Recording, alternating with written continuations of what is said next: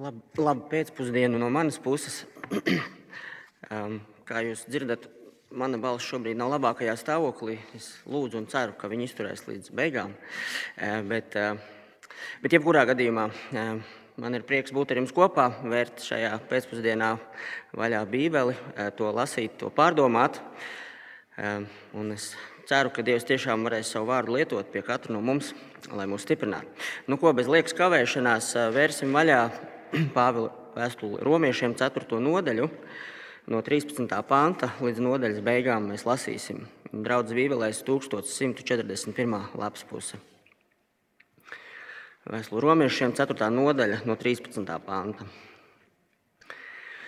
Jo apsolījums Ābrahamam vai viņa pēcnācējiem saņemt mantojumā pasauli nav dots bauslībā, bet ticības taisnībā. Ja mantinieki ir tie, kas paļaujas uz bauslību, tad ticība nedod neko, un apsolījums ir atcelts. Bauslība rosina dusmas, bet kur nav bauslības, nav arī pārkāpumu. Tādēļ mantinieki ir tie, kas ticībā paļaujas uz Dievu, lai mantojums būtu no žēlastības un apsolījums būtu drošs visiem pēcnācējiem. Ne tikai tiem, kas zem bauslības, bet arī tiem, kas Ābrahama ticībā. Viņš mums visiem ir tēvs. Tā Dieva priekšā, kam viņš ticēja, kas mirušos dara dzīvus un sauc esamībā to, kā vēl nav, it kā tas jau būtu. Kā ir rakstīts, es tevi esmu iecēlis par tēvu daudzām tautām. Viņš ticēja cerībai, ka cerības nebija, kad viņš varētu kļūt par, viņš varētu kļūt par tēvu daudzām tautām, pēc tā, kas sacīts, tā būs ar taviem pēcnācējiem. Viņš nekļuva ticībā vājš, kad gandrīz vai simt gadu vecumā apzinājās savu miesu jau mirušu un arī sāras klēpi bez dzīvības. Viņš nešaubījās neticībā par dieva apsolījumu, bet stiprinājās ticībā, dodams dievam godu, un bija pilnīgi pārliecināts, ka to, ko viņš ir apsolījis, viņš ir varens arī izdarīt. Tādēļ tas viņam tika pieskaitīts par taisnību. Bet ne jau tikai viņa dēļ tas ir rakstīts, ka tas viņam pieskaitīts, arī mūsu dēļ kuriem tas tiks pieskaitīts mūsu ticības dēļ, ja ticam uz Dievu, kas no mirušajiem uzmodinājis mūsu kungu Jēzu, kas mūsu pārkāpumu dēļ tika nodots nāvē un mūsu attaisnošanas dēļ ir augšām celts. Āmen. Es īsi vēl pielūgšu. Kungu vārdi ir šķīsti vārdi, kā sudrabs, kas kausēts podā no rūdām septiņkārt tīrīts.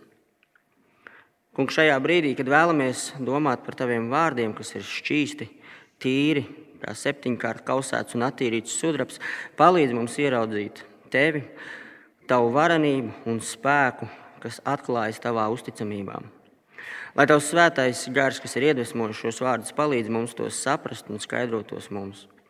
Palīdz būt, mums būt uzmanīgiem, koncentrētiem Palīdzi dzīves un ikdienas skrējienu šobrīd nolikt malā un nākt pie tavām kājām un netraucēti klausīties tavos vārdos. Jēzus vārdā to lūdzu. Amen.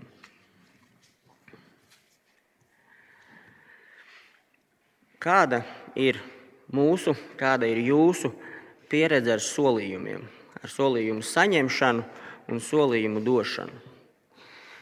Vai mūsu dotajiem solījumiem var uzticēties? Vai tavs pasakītais vienmēr tiks izdarīts. Es domāju, ka neviens droši vien šeit nevar apgalvot, ka pilnīgi visi mūsu solījumi pilnīgi vienmēr ir piepildījušies. Reizēm tam ir objektīvi, saprotami, no mums neatkarīgi iemesli, bet reizēm noteikti arī mūsu grēcīgā daba izlien laukā un solījums izplēna aizmāršībā, nevīžībā, slinkumā. Ne? Šodien mēs domāsim par Dieva solījumiem, par konkrēti vienu solījumu un to, ka tie un šis konkrētais vienmēr piepildās. Kāds sakām vārds saka, es atradu vienu, kurš saka, lieli solījumi mazina uzticību.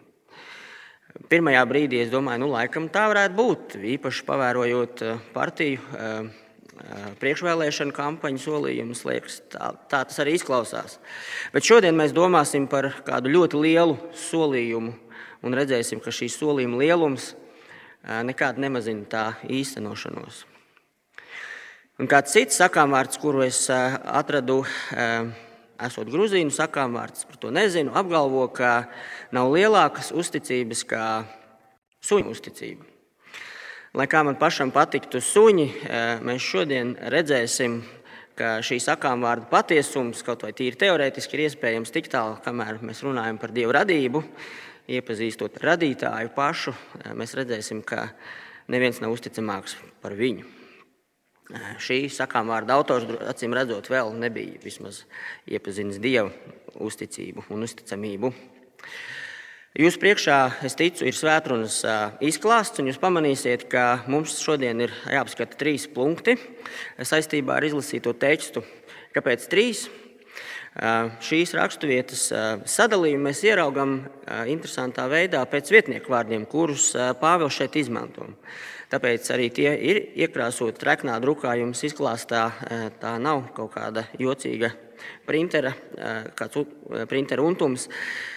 Sākumā Pāvils vispārīgi runā par, par tiem, tad viņš runā konkrēti par Ābrahamu un runā par viņu. Savukārt noslēgumā Pāvils jau runā personīgi vispirms par sevi un vēstules saņēmējiem, bet arī plašāk viņš runā par visiem kristiešiem, lietojot vietnieku vārdu mums. Un tad nu, tādā secībā arī iesim cauri un sāksim no paša sākuma ar 13. pāntu. 13. pāns e, darbojās kā šīs, e, šīs rakstu vietas, tāds virsraksts vai tēmas, uzstādījums vai apgalvojums. Un tālāk 13, 16, 14 līdz 16 pāns ir kā izvērsums e, šim apgalvojumam. Nolasīsim vēlreiz šos pāntus no, no 13. Jo apsolījums Abrahamam vai viņa pēcnācējiem saņemt mantojumā pasauli nav dots bauslībā, bet ticības taisnībā. Ja mantinieki ir tie, kas paļaujas uz bauslību, tad ticība nedod neko un apsolījums ir atcelts. Bauslība rosina dusmas, bet kur nav bauslības, nav arī pārkāpuma. Tādēļ mantinieki ir tie, kas ticībā paļaujas uz Dievu, lai mantojums būtu no žēlastības un apsolījums būtu drošs visiem pēcnācējiem. Ne tikai tiem, kas zem bauslības, bet arī tiem, kas Abrahama ticībā. Viņš mums visiem ir tēvs. Mūsu šī vakara raksturvieta sākās ar vārdu jo. Un tas nozīmē, ka mums šī vēsts ir jāsavieno kopā ar vismaz ar iepriekšējo raksturvietu. Es pieņemu, ka jūs jau esat pamanījuši, un es ceru, ka tas jums nav apnicis, bet visbiežāk mums, mēs esam šajā vēstulē spiest atsaukties uz to, kas ir teikts. Tas ir tas veids, kā Pāvils par tādiem ķieģelīšiem būvē šo savu argumentu, kuru viņš cenšas aizstāvēt. 4. nodaļas 11. un 12. pāns mums sacīja, ka Ābrahams ir kļuvis par visu ticīgo ļaužu, gan jūdu, gan pagānu tēvu.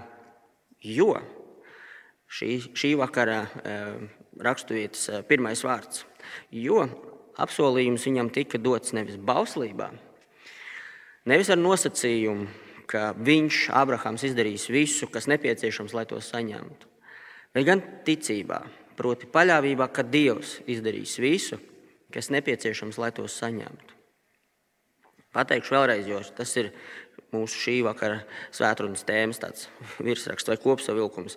Abrahams ir kļuvis par visu ticīgo ļaužu tēvu, jo apsolījums viņam tika dots nevis bauslībā, nevis ar nosacījumu, ka viņš izdarīs visu, kas nepieciešams, lai to saņemtu, bet gan ticībā, proti paļāvībā, ka Dievs izdarīs visu, kas nepieciešams, lai to saņemtu. Un jūs varbūt kādi teiksiet, pagaidi, pagaidi, pag, tu jau pagājušā uh, svētdienā par šo visu runāji. Un pirmajā brīdī tiešām šķiet, ka izskatās, ka mums ir tā pati tēma, kas bija iepriekš. Ābrahams, Ābrahams kā tēvs, Ābrahama bērni, bauslība, ticība, taisnošana. Tas viss, par to mēs pagājušajā svētdienā runājām, vai ne?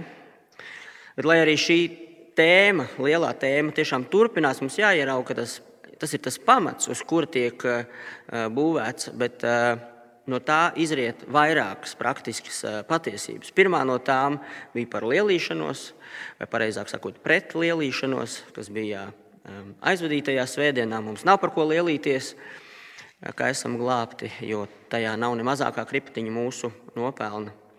Un šīs raksturvietas uzsvars ir nevis uz lielīšanos, bet uz apsolījumu. Uz apsolījumu un tā piepildījumu.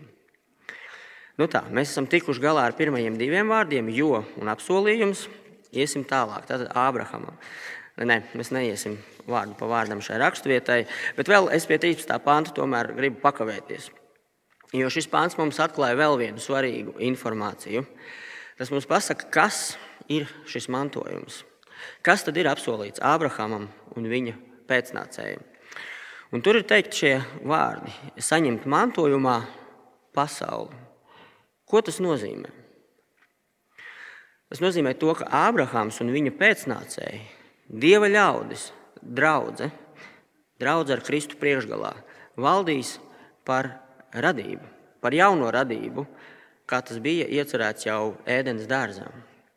Ja mēs pašķirtu atpakaļ pirmo mūzes grāmatu, pirmās nodaļas 26. pantā, mēs varam lasīt šos vārdus.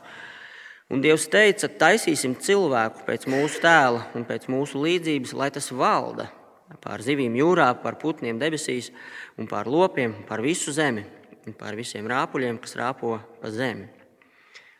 Dieva nodoms bija, ka cilvēks izdzīvo sevi radīto dieva līdzību, valdot.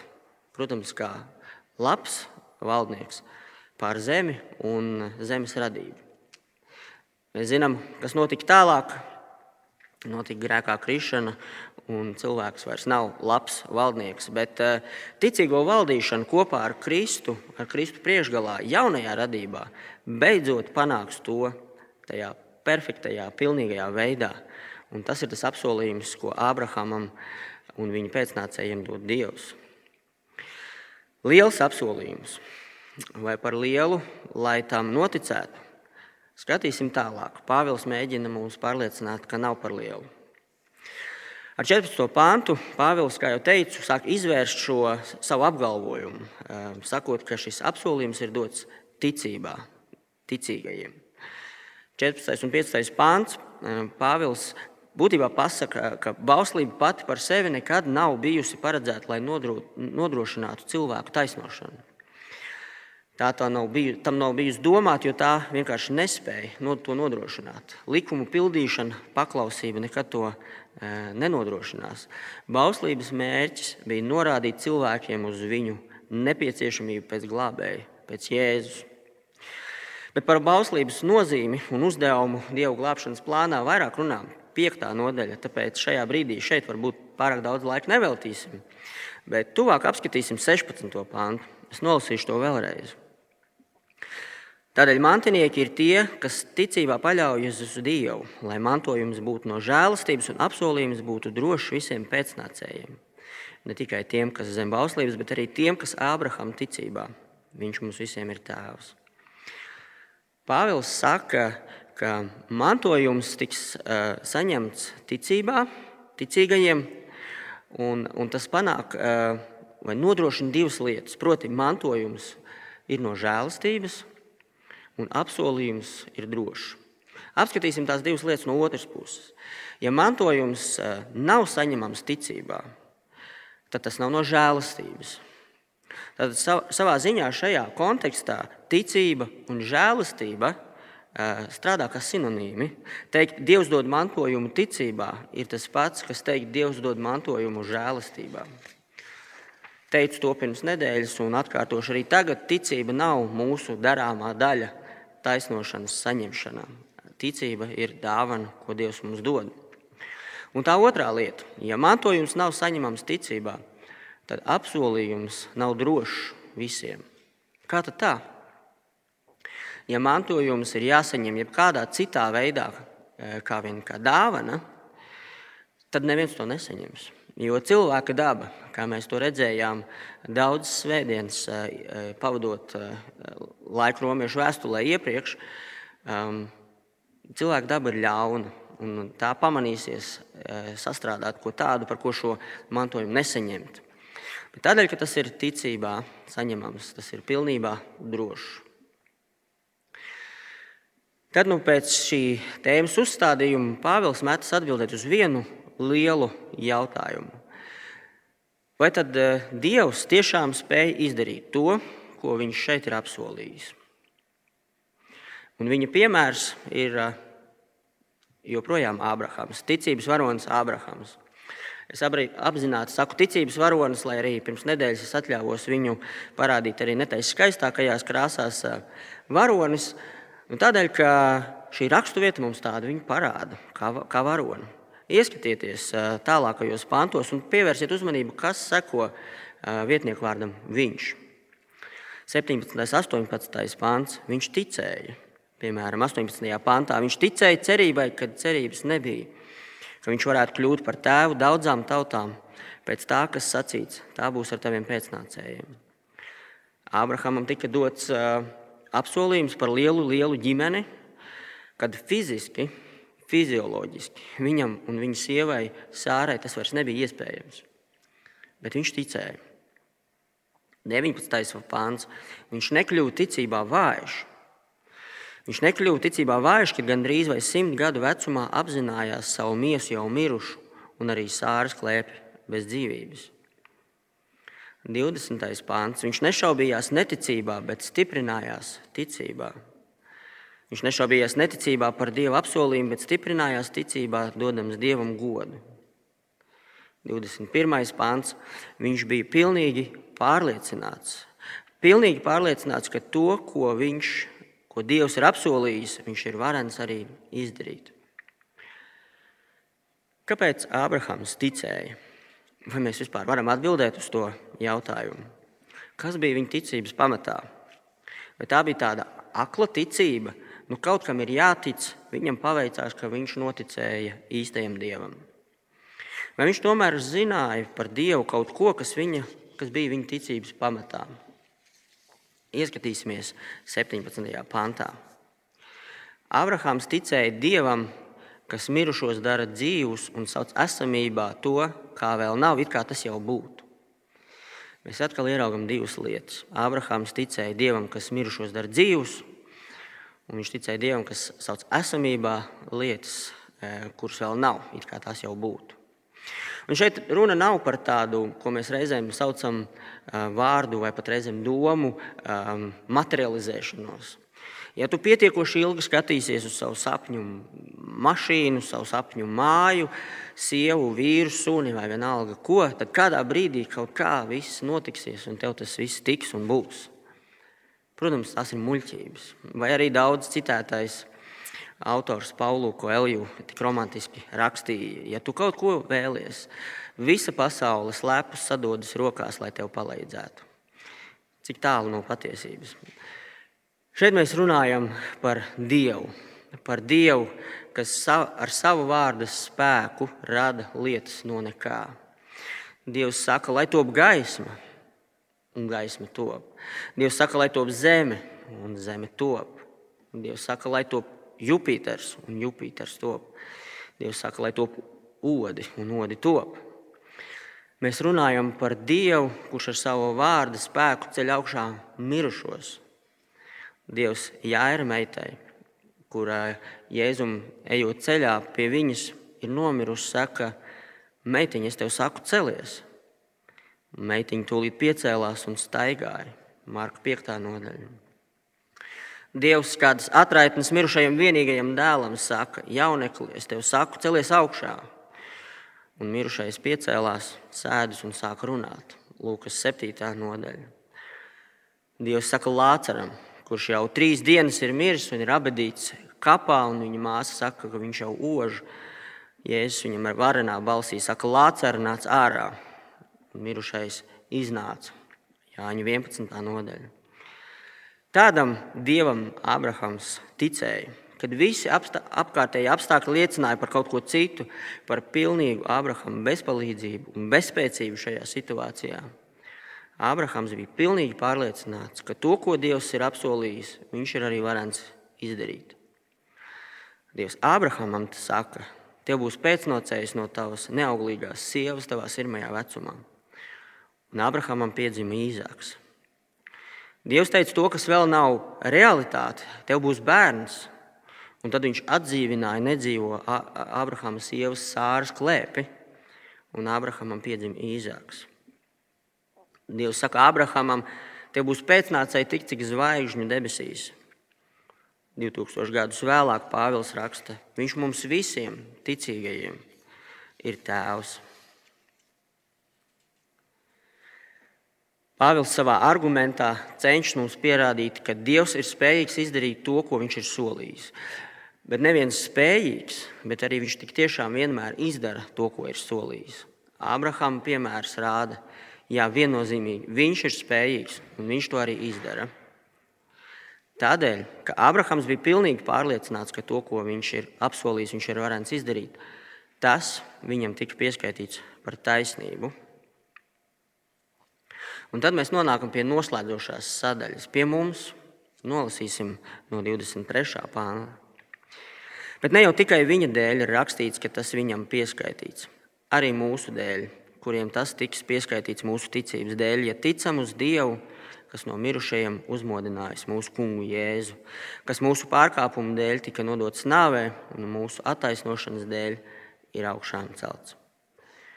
Ne jau tikai par Ābrahāmu ir tas stāsts.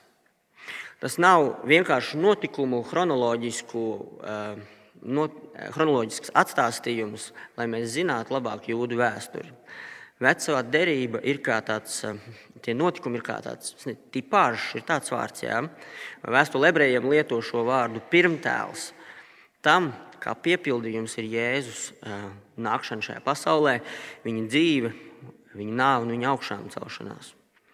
Nu, piemēram, jūs noteikti daudz zināsiet šos piemērus, bet Otrā mūzes grāmata. Mēs lasām par šo Izraēla tautas lielo iziešanu, eksodus no Eģiptes verdzības, Dieva lielo glābšanu un viņu ceļu uz apsolīto zemi.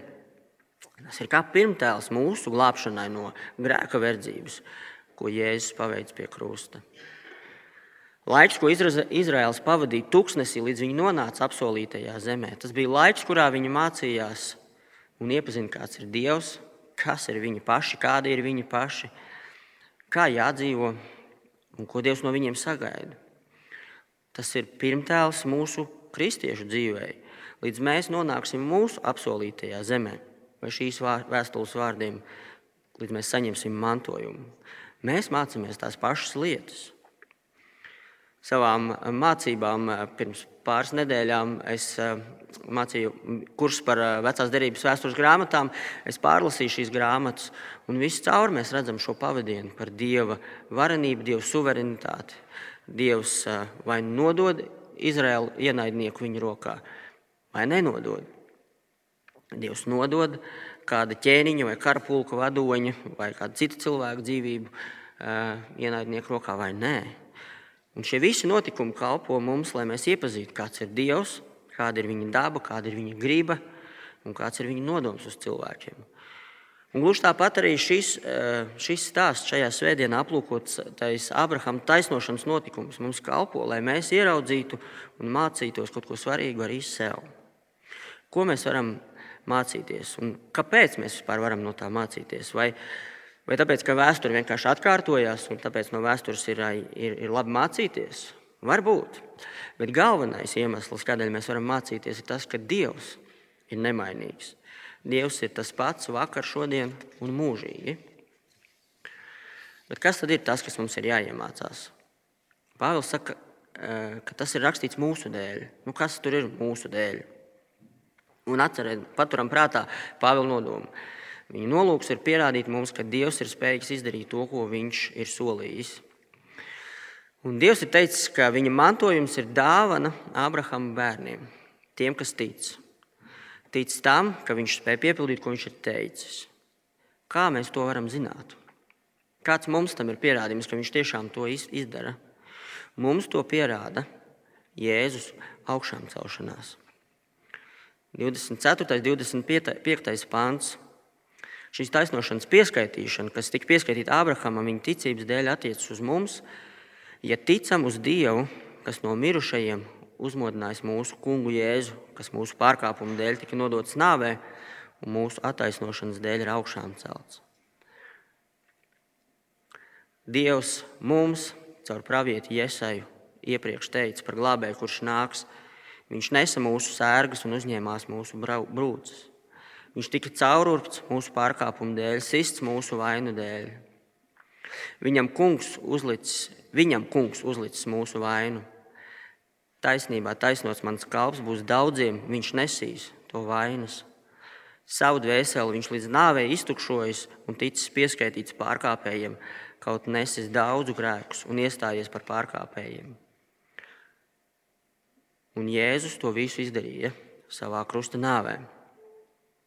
Un pēc tam Dievs Jēzum saka, labi, es nezinu, ko viņš saka, bet mēs varam nojaust, ka viņš saka, vai viņš nodomā, vai viņš vienkārši grib, lai Jēzus ceļas augšā. Un mūsu kungs ir uzmodināts no mirušajiem. Vai Dievs ir spējīgs izdarīt to, ko viņš ir solījis? Vai Dievs vienmēr izdara to, ko viņš ir solījis? Absolūti viennozīmīgi, simtprocentīgi neapstrīdams jā. Vai Dievs ir izpircis mūsu grēkus, vai arī Jēzus nāve ir pietiekami, lai to izdarītu? Jā. Vai Dievs attiecina, pieskaita šo Jēzus nodrošināto izlīgumu tiem, kas viņam tic? Jā. Tu vari būt pilnīgi pārliecināts, ka Dieva apsolījums par mantojumu ir tavs, ja tu tam tici. Dieva apsolījums par mantojumu ir tavs. Par to tu vari būt pilnīgi drošs pilnīgi droša. Mēs esam nonākuši pie šīs vēstules pirmās sadaļas nu, noslēguma, beigām. Un kas gan par ceļojumu tas bija? Iesākumā mēs redzējām to, ka Dievs glābi tikai ticīgos. Pirmās nodaļas 16. un 17. pāns teica, Pāvils nekaunas evaņģēlīja, jo tas ir Dieva spēks pestīšanai ikvienam, kas tic jūdam vispirms un arī grieķim, jo tajā dieva taisnība atklājas no ticības uz ticību. Kā ir rakstīts, taisnais no ticības dzīvos. Tad mēs redzējām, cik briesmīgi bezcerīgā stāvoklī ir cilvēks, jo viņš apspiež patiesību par Dievu un par to saņem taisnīgas Dieva dusmas. Pirmās nodaļas 18. pāns par to cilvēku bezdievību un netaisnību, kas Dieva patiesību nomāca netaisnībā. No debesīm atklājas Dieva dusmas. Tālāk Pāvils turpināja apgāzt jebkurus cilvēcīgus argumentus, iebildumus vai drošības meklējumus. Attaisnojuma nav. Nec pagānam, kurš par Dievu it kā neko nezina, nec jūdam, nec reliģiskajam uh, praktizētājam, nevienam nav attaisnojuma Dievu priekšā. Vienīgi Dievs pats var atrisināt šo bezcerību, un to viņš arī izdarīja. 3. nodaļas, 22, 24 un 25 pāns. Dieva taisnība ticībā uz Jēzu Kristu ir visiem, kas tic. Dieva žēlastībā visi tiek attaisnoti bez nopelna, jo Viņš tos atpircis Jēzu Kristu.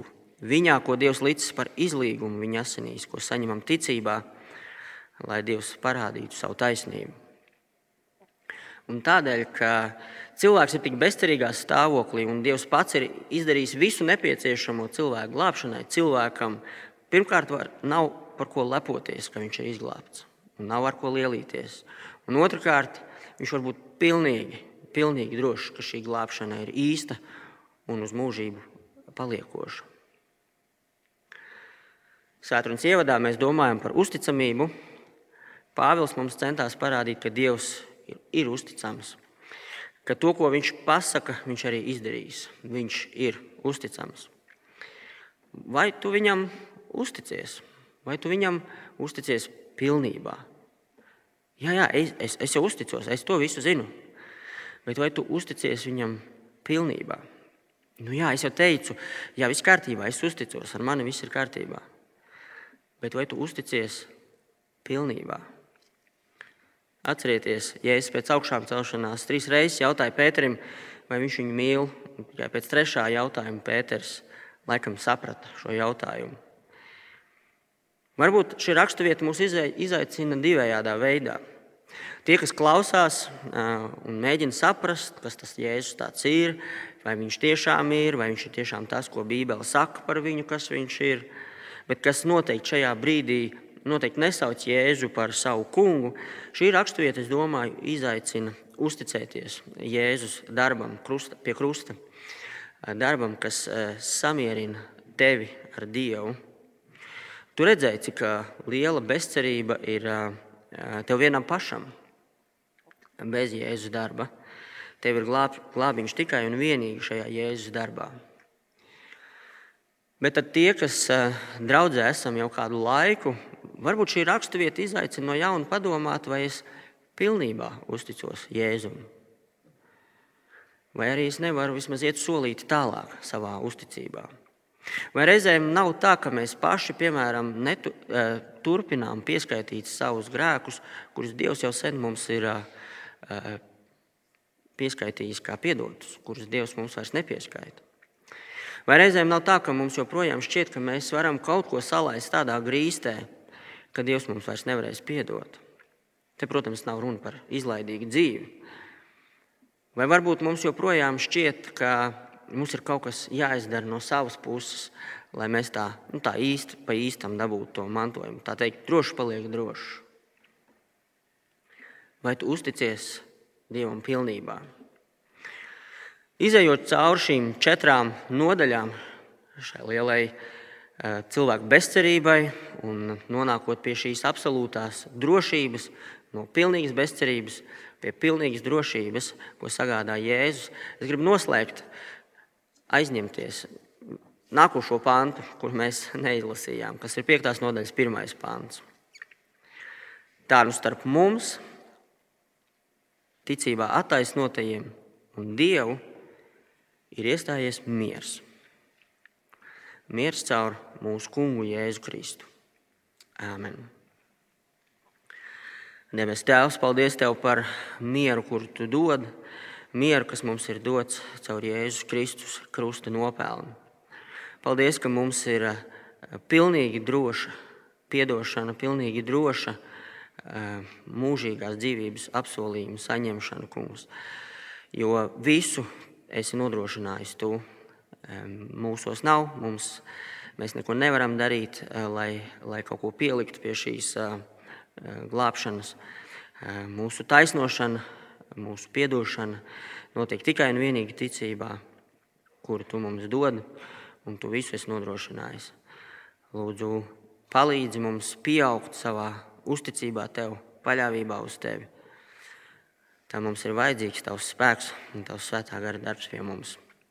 Āmen!